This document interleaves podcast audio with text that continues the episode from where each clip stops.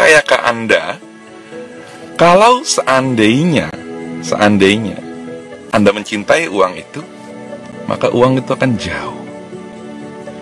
Dan seandainya Anda menjauhkan diri dari uang itu, maka uang akan mendekat.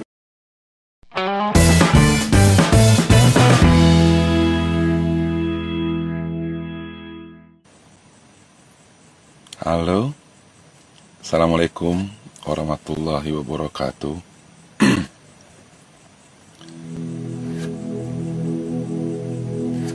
Maaf kalau live selalu bisa di jam-jam segini karena harus menyelesaikan beberapa pekerjaan. Padahal dikerjakannya itu dari siang dan hari ini baru selesai. Eh, hari ini tepat dua malam. Saya melakukan isolasi mandiri dan tadi ketika bekerja saya menjadi ingat tentang sebuah rumus rezeki karena keadaan yang seperti sekarang ini kan banyak orang yang katanya ingin mengais rezeki mencari rezeki dan lain-lain saya mendapatkan rumus rezeki ini dan saya mencoba untuk melakukannya setiap hari, walaupun tidak juga berhasil. Tapi akan saya share kepada Anda semua di sini. Mudah-mudahan di antara Anda semua ada yang mampu untuk melakukan rumus rezeki ini. Mudah-mudahan setelah Anda lakukan, Anda buktikan rezeki akan datang mengalir tiada henti dengan diri Anda. Saya dapat formula ini kurang lebih 10 tahun yang lalu. Jadi, saya dapatkan dari seorang tua, seorang bijak lah kita mengatakannya. Di suatu malam, jam-jam 12 juga, dia menjabarkan kepada saya dia bilang gini, Le, mau ndak kamu tak kasih rumus rezeki? Oh mau lah, mau rezeki kok. Kalau di kepala saya rezeki kan mikirnya uang, padahal belum tentu. Itu adalah uang. Hari ini saya masih bisa duduk di sini bertemu dengan Anda semua, guru dan sahabat saya yang saya sayangi selalu. Itu adalah sebuah rezeki. Hari ini mata dapat melihat, telinga mampu mendengar, hidung masih bernafas. Itu adalah sebuah rezeki. Kita sering sekali mengecilkan arti sebuah rezeki menjadi sehelai dua helai uang. Dan terkadang kita merasakan bahwa kenapa rezeki kok jauh dari kita. Padahal sesungguhnya setiap hari kita dilingkupi oleh rezeki. Anda masih bisa tersenyum, itu sebuah rezeki. Kadang kita pengennya nyari-nyari kayak orang-orang itu ya. Banyak yang berjualan saat ini kan. Jual apa saja karena mereka ketakutan ketakutan dengan ketidakpastian. Karena ketidakpastian itu membawa kegundahan dalam diri. Kita selalu ingin yang pasti-pasti.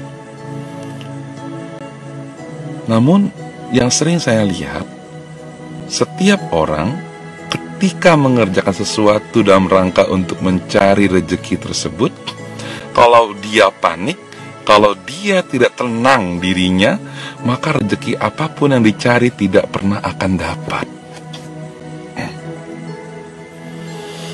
Kenapa demikian? Karena rezeki itu dia bersumber dari sebuah rumusan yaitu akibat, bukan sebab. Pada beberapa training saya pernah bicara tentang magnet rezeki, magnet uang. Saya bilang gini, percayakah Anda kalau seandainya, seandainya Anda mencintai uang itu, maka uang itu akan jauh. Dan seandainya Anda menjauhkan diri dari uang itu, maka uang akan mendekat. Ini sebuah apa? Rumusan yang aneh, sesuatu yang kita kejar dengan bersungguh-sungguh, dengan segenap akal pikiran kita, pada ujungnya gagal. Sesuatu yang kita santai menghadapinya, anggap saja, ya nggak dapat lah, anggap saja ini adalah sebuah apa karya saja dalam kehidupan. Eh, tiba-tiba dia dapat. Perhatikan. Rezeki tidak bermain di sini. Rezeki tidak bermain di seberapa pintar diri Anda.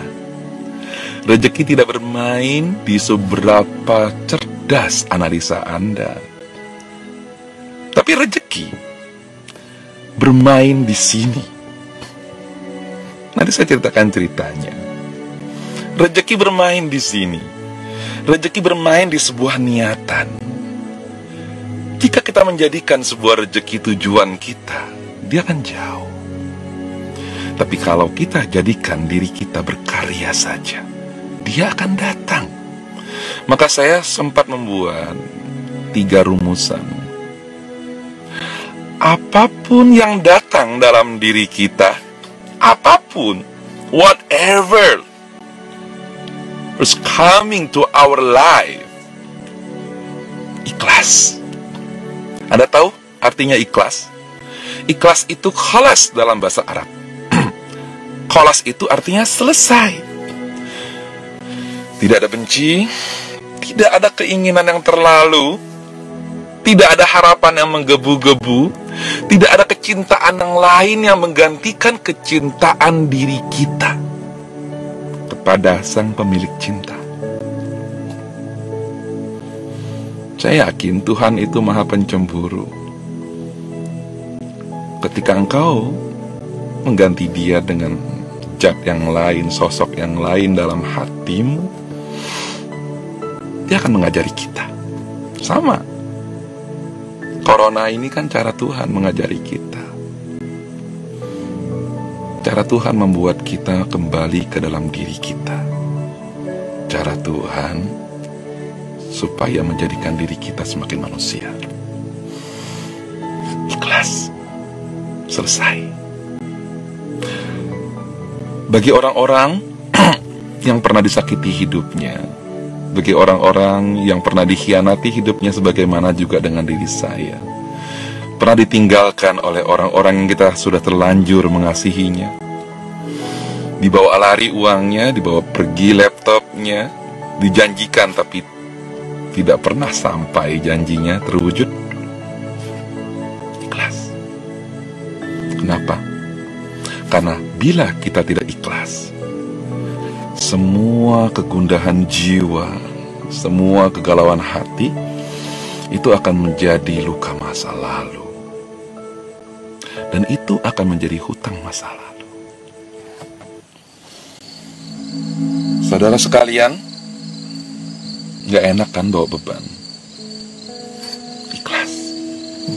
Karena hidup cuma sebentar saja. Hidup ini tidak lama. Ikhlas. Apa pun yang datang pada diri kita Ikhlas. Ikhlas tidak mudah. Tidak semudah saya mengucapkannya. Saya juga belum tentu bisa ikhlas. Namun Sepanjang kehidupan ini Tuhan buat Untuk satu Belajar Ketika kita sudah mampu ikhlas, yang kedua adalah tulus. Lakukan semuanya dengan tulus. Yang namanya tulus tidak ada embel-embel, yang namanya tulus tidak ada keinginan yang berlebih, yang namanya tulus tidak ada karena apa pun. Bergeraklah karena kita mau bergerak, berbuatlah karena kita mau bergerak, ber, ber, berbuat, sorry maaf. Saya seorang pengusaha Saya seorang entrepreneur, saya seorang trainer juga. Apa yang saya temukan dalam hidup?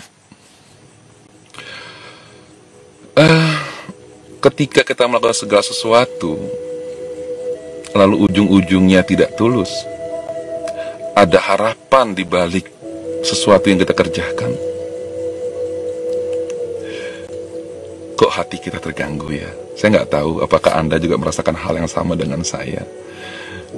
Saya sering melihat beberapa orang mungkin dalam dunia bisnis saya melakukan kebohongan-kebohongan. Lalu kawan saya telepon, dia bilang, Lim, kenapa kamu nggak seperti itu aja, Lim? Lakukan aja seperti itu. Oh enggak, itu membodohi orang. Ya memang orang yang mau, di, mau dibodohi. Saya bilang, kok ini bertentangan dengan akal dan pikiran saya. Saya nggak mau lakukan itu. Saya tidak memakai semua cara untuk itu. Mungkin itu adalah kebodohan saya di sisi lain. Tapi di sisi lain adalah untuk menjaga diri saya agar tetap menjadi seorang manusia. Jadi, what must we do? Tulus. Apa pun. Tuluslah mencintai, tuluslah bekerja, tuluslah berkarya. Sama dengan hari ini Anda melihat saya di live Facebook ini juga. Tuluslah. Walaupun orang yang depan Anda itu wajahnya tidak ganteng, botak dan lain-lain tuluslah. Oke, okay, be happy ya. tulus, apa pun tulus. Tulus, jangan mengharap apa pun. Tulus, sebagaimana tulus. Dengan siapa kita belajar tulus? Ayo, ada yang tahu? Dengan siapa kita belajar tulus? Mama.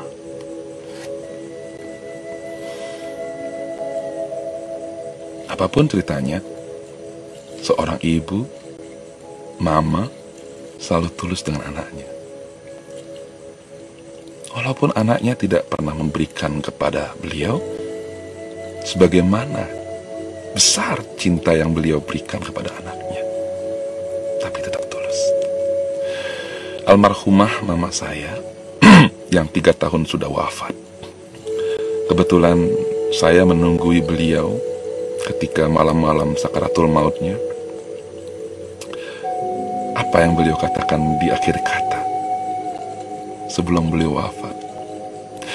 Dua hari dua malam saya menunggu beliau belum tidur. Lalu apa yang terjadi? saya bilang, Ma, saya izin sebentar ya. Saya istirahat sebentar saja. Dua jam, nanti Lim balik lagi. Pada saat itu, Mama sudah mulai keluar keringat dingin, tahukah Anda apa yang Mama katakan pada saat itu? Kalau saya tahu bahwa pada saat itu Mama sedang menghadapi sakaratul maut, saya tidak akan pernah tinggalkan Mama sedetik pun.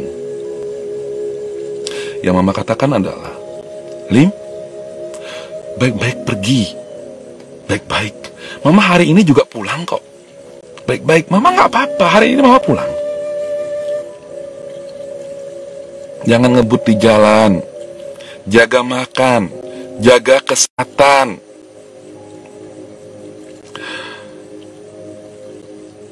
Dan 15 menit setelah itu Mama nggak ada.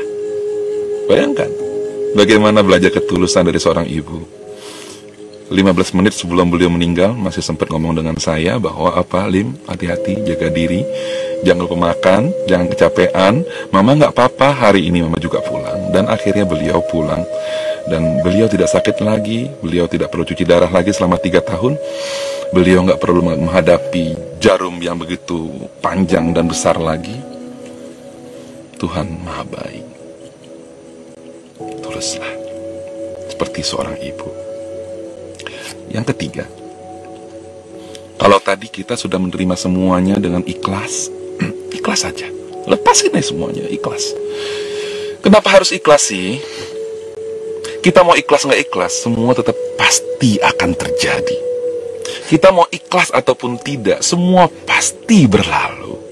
Kita mau ikhlas atau tidak hidup pasti tetap berjalan. Ikhlaslah jangan pernah menghakimi diri kita jangan pernah membuat diri kita semakin menderita lagi Jangan membuat hutang masa lalu lagi. Apa pun datang, ikhlas. Kemudian yang ke kedua tadi apa? Masih ingat? Tulus. Sudah ikhlas menerima apa pun, kan kita perlu bergerak ya. Bergerak untuk menyelesaikan masalah kita, tantangan hidup dan lain-lain. Tuluslah. Tidak ada embel apa pun, bukan karena apa pun. Karena kalau Anda memahami kata-kata integritas, integritas itu hadir ketika Anda tulus. Passion itu hadir ketika Anda tulus. Kalau Anda sudah nggak tulus, passion itu sudah tidak ada lagi. Tulus. Nggak perlu orang kenal kita, nggak perlu orang tahu. Kenapa demikian? Karena ketulusan is power. Saya nggak ngerti bahasa Inggrisnya lupa. Ketulusan adalah suatu, suatu kekuatan dalam kehidupan. Tuluslah. Tulus. Sebagaimana seorang bayi. Bayi kan nggak ada masalah kan? Maka seorang bayi ketika kita bertemu dengan bayi mana pun, nggak ada yang pengen, ih kamu jelek banget sih, nggak ada. Pasti bayi apa di mata kita itu indah, menyejukkan, menenangkan. Kenapa? Karena tulus. Dia tulus menjadi seorang bayi. Yang ketiga, sabar. Fasbir. Bahkan di Quran ada kata-kata fasbir sobran jamila di surah Al-Ma'arij. Apa fasbir sobran jamila? Bersabarlah dengan sabar yang indah. Sabar, sabar, sabar. Kenapa? Kita mau ikhlas ataupun tidak dunia tetap berjalan. Kita mau tulus ataupun tidak dunia tetap berjalan. Kita mau sabar ataupun terburu-buru, panik, dunia tetap berjalan. Jadi kadang-kadang kita kenapa ya menjadi apa? Kita menjadi algojo bagi diri kita sendiri. Kita menghakimi diri kita, menghakimi kehidupan, menghakimi keluarga, menghakimi sekeliling kita, menghakimi orang tua dan terakhir menghakimi diri sendiri. Kalau diri sudah tidak dapat dihakimi lagi, ujung-ujungnya manusia menghakimi Tuhan. Ikhlas? Tulus? Sabar. Semua butuh proses. Sama dengan hal yang kita hadapi hari ini, semua pasti akan berlalu. Semua pasti akan berlalu. Itu dia. Tulus? Eh, sorry, maaf saya lupa. Ikhlas menerima apa pun. Tulus menjalani apa pun. Sabar dengan semua yang akan terjadi ketika kita menjalaninya. Nah, baru itu hanya preambul sebenarnya, preambul rumus rezeki ya. saya akan ceritakan bagaimana rumus rezeki. Saudara-saudara sekalian, para guru dan sahabat saya yang saya sayangi selalu, tahukah Anda bahwa yang namanya malaikat itu tidak mengenal nama? Dan setiap manusia itu sudah memiliki jatahnya masing-masing di loh mahfuz, ya ketika kita dilahirkan, kita sudah punya jatah masing-masing. Jadi bagaimana formulanya? Formulanya begini, yang dikatakan oleh seorang bijak kepada saya waktu itu, 10 tahun yang lalu. Jatah rejeki kita ini sudah ada di sini. Ya, anggaplah 10. Jadi kita 10. Nah, setiap hari Tuhan itu mengutus manajemen-manajemen Tuhan, malaikat-malaikatnya itu untuk membagikan rezeki kepada kita. Seperti hari ini, kita mau jual lemper, kita mau jual apa pun, alhamdulillah terjual. Walaupun mau sedikit mau banyak itu bukan masalah, tapi yang penting terjual. Ya. Jangan mendikte Tuhan. Oke. Okay. Nah, rezeki kita 10. Ada 10 rezeki di sini. Ya. Lalu malaikat itu mencari diri kita berkeliling di dunia ini mencari diri kita, memberikan rezeki kepada kita. Malaikat Mikael kalau dalam Islam, malaikat rezeki, ya. Namun permasalahannya cuma satu, malaikat itu tidak mengenal nama. Dia nggak tahu nama saya Salim, nama anda Andi, nama anda Azrul, semua. Malaikat tidak tahu. Yang malaikat tahu cuma satu, yaitu cahaya. Cahaya. Saya ulangi lagi, cahaya diri manusia ini mengeluarkan sebuah cahaya. Ya. Contoh, di dalam Anggap saja saya merepresentasikan, e, menggambarkan bagaimana SOP-nya. Ya, itu ada buku mengatakan hari ini kamu harus memberikan e, rejeki kepada orang yang warna warna dirinya, cahaya dirinya itu kuning keemasan, keputih-putihan, sedikit ungu. Saya ulangi, warnanya itu kuning keemasan, sedikit putih, sedikit ungu. Maka malaikat turun turun dan yang dicari apa cahaya yang seperti itu. Ketika sudah mencari cahaya itu dan nggak ketemu, seringnya nggak ketemu. Kenapa nggak ketemu? Karena begini, ini hati manusia. Ini hati manusia. Ya, warnanya tadi yang saya katakan bisa jadi ya beberapa setiap orang berbeda-beda warna cahaya dirinya. Yang pertama, dia itu mungkin kuning keemasan, kemudian dia putih, kemudian ada ungunya. Namun Ingat bahwa hidup itu, persinggungan kita dengan kehidupan, itu membawa kotoran-kotoran batin yang menumpuk. Ada kebencian, ada iri hati, ada ketidaksabaran, ada ketidakikhlasan, ada ketidaktulusan. Kemudian ada juga ketidaksabaran, semuanya itu menumpuk. Menumpuk. Nah, semakin lama menumpuk, menumpuk, menumpuk, cahaya dirinya nggak kelihatan lagi Cahaya diri nggak kelihatan lagi. Akhirnya malaikat keliling dan tidak menemukan cahaya yang dikendaki. Lalu besok malaikat datang lagi, mencari lagi cahaya tersebut. Apa yang terjadi? Tidak temukan lagi. Lalu suatu ketika dalam perjalanan hidup, orang tersebut belajar yang namanya tazkiyatun nafs Orang tersebut belajar mensucikan hatinya kembali, membersihkan hatinya kembali. Baik dalam Islam dengan cara istighfar, dengan cara zikir, berbuat baik, menolong sesama, belajar ikhlas, tulus, sabar, atau mungkin dengan persepuluhan dalam Nasrani, ya apa pun. Semua kebaikan itu universal bagi saya dengan kebaikan-kebaikan dan dia menahan emosi, dia tidak mendendam, dia tidak iri hati kepada orang, dia nggak melakukan keburukan-keburukan di muka bumi ini, dia kendalikan dirinya untuk tidak memaki orang lain, tidak menyalahkan orang lain. Pelan-pelan, kotoran tersebut terkikis. Kikis. Lalu, suatu ketika, malaikat datang lagi, dilihat oleh malaikat, kok ini mirip-mirip cahayanya ya? Seperti buku ini ya. Kuning putih tapi warna ungunya kenapa beda ya? Agak biru-biru. Kayak bukan dia deh. Lalu malaikat pergi lagi. Lalu seiring hari berlalu waktu berlalu orang tersebut istiqomah. Maka kuncinya adalah istiqomah. Continue melakukan kebaikan itu harus istiqomah. Kecil nggak apa-apa yang penting istiqomah. Kenapa? Karena dia kayak amplas. Dia amplas terus amplas terus setiap hari dia amplas. Suatu ketika ketika sudah mampu mengamplas dengan baik lalu cahaya hati itu kembali kepada fitrahnya yang semula yang dikatakan dengan ideal fitri yang dikatakan dengan kembali fitrah apa yang terjadi. Malaikat datang, lalu malaikat temukan, loh, ini dia. Ini dia cahaya yang saya cari.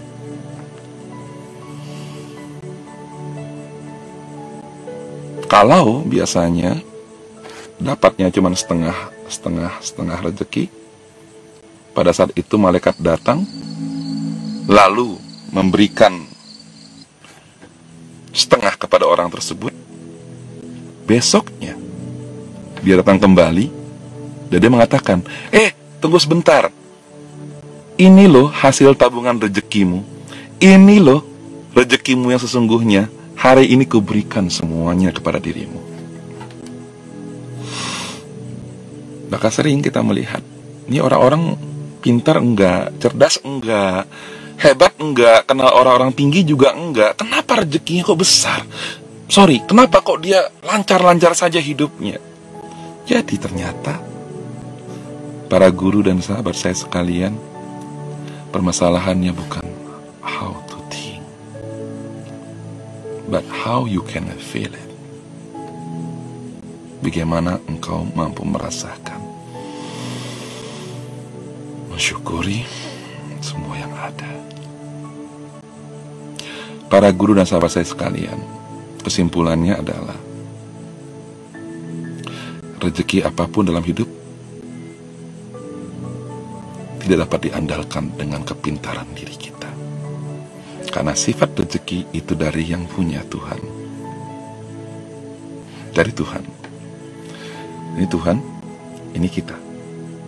Allah yang kasih rezeki. Tuhan yang kasih rezeki.